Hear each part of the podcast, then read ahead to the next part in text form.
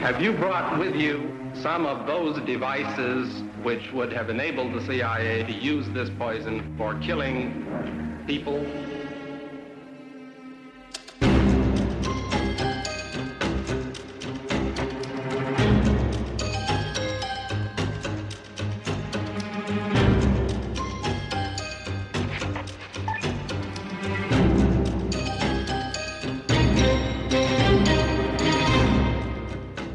Det her, det er den, det er den portugisiske palmesag.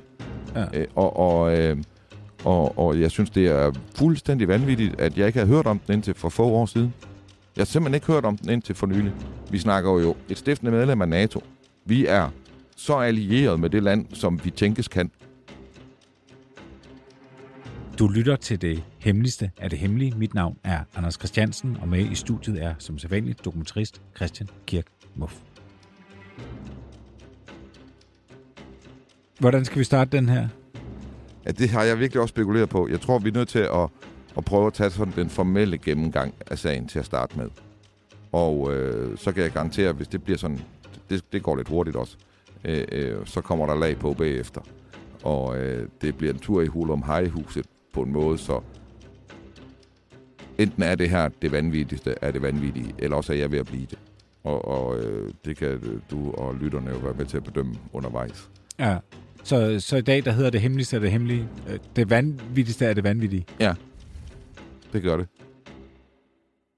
Fordi vi skal kigge på Kammerate i, øh, i Portugal. Øh, Kammerate flystyrtet. Og øh, altså... Vores fjende, Anders, det er jo øh, konspirationsmonstret. Ja.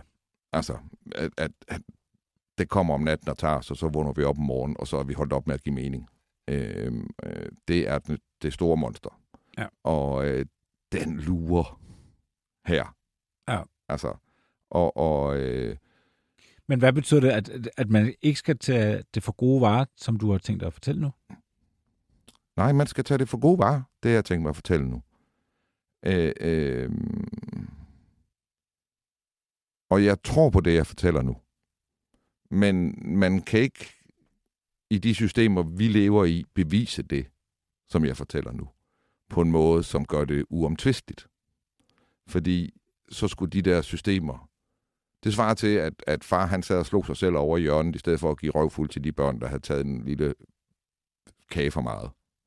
Øh, det har jeg ikke oplevet nogen familier, hvor faren han gik over i hjørnet og sagde, jeg har jo faktisk drukket øl uden altså af husholdningspengene. Altså det, min, det, jeg har stjålet her, er meget mere.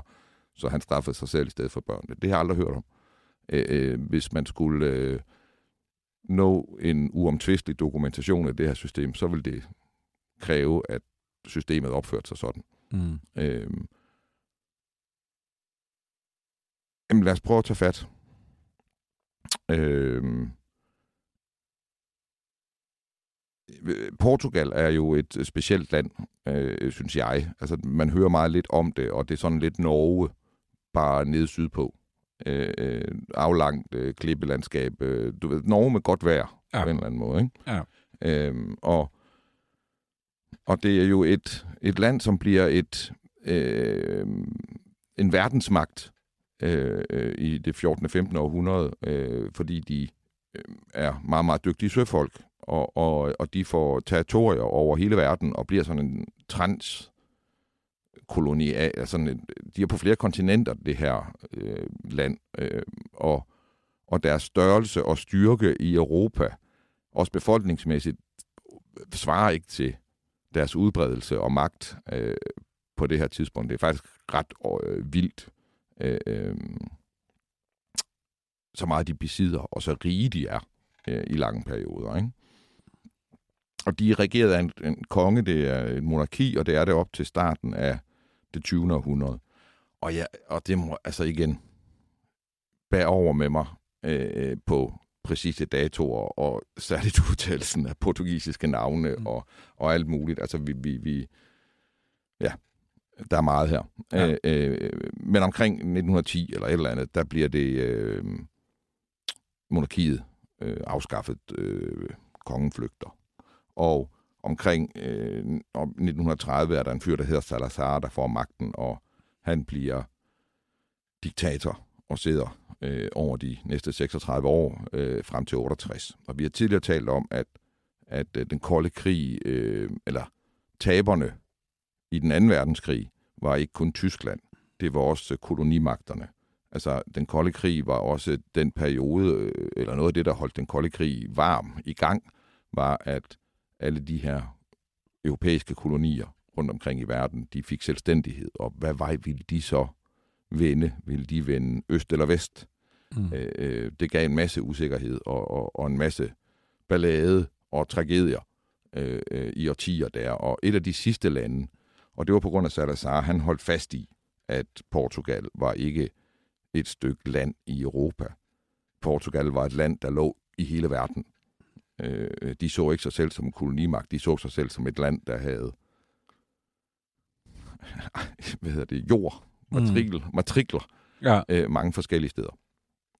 Så de var faktisk nok måske, det ved jeg ikke, altså, men de er nogle af de sidste, der ligesom afvikler øh, kolonistyret.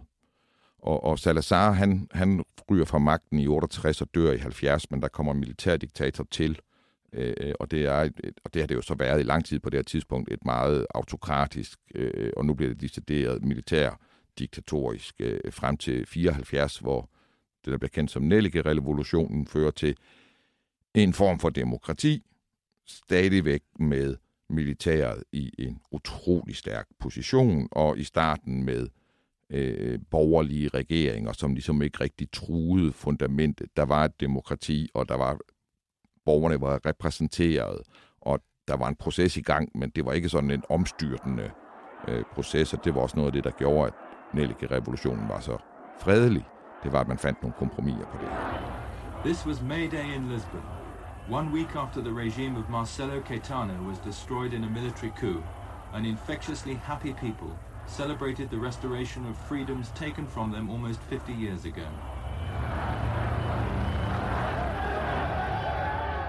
Men da man når frem til 79-80, og jeg, igen, jeg kan ikke huske præcis, hvornår det er, jeg tror faktisk, det er sommeren 80, øh, der bliver øh, der valgt en socialdemokratisk premierminister.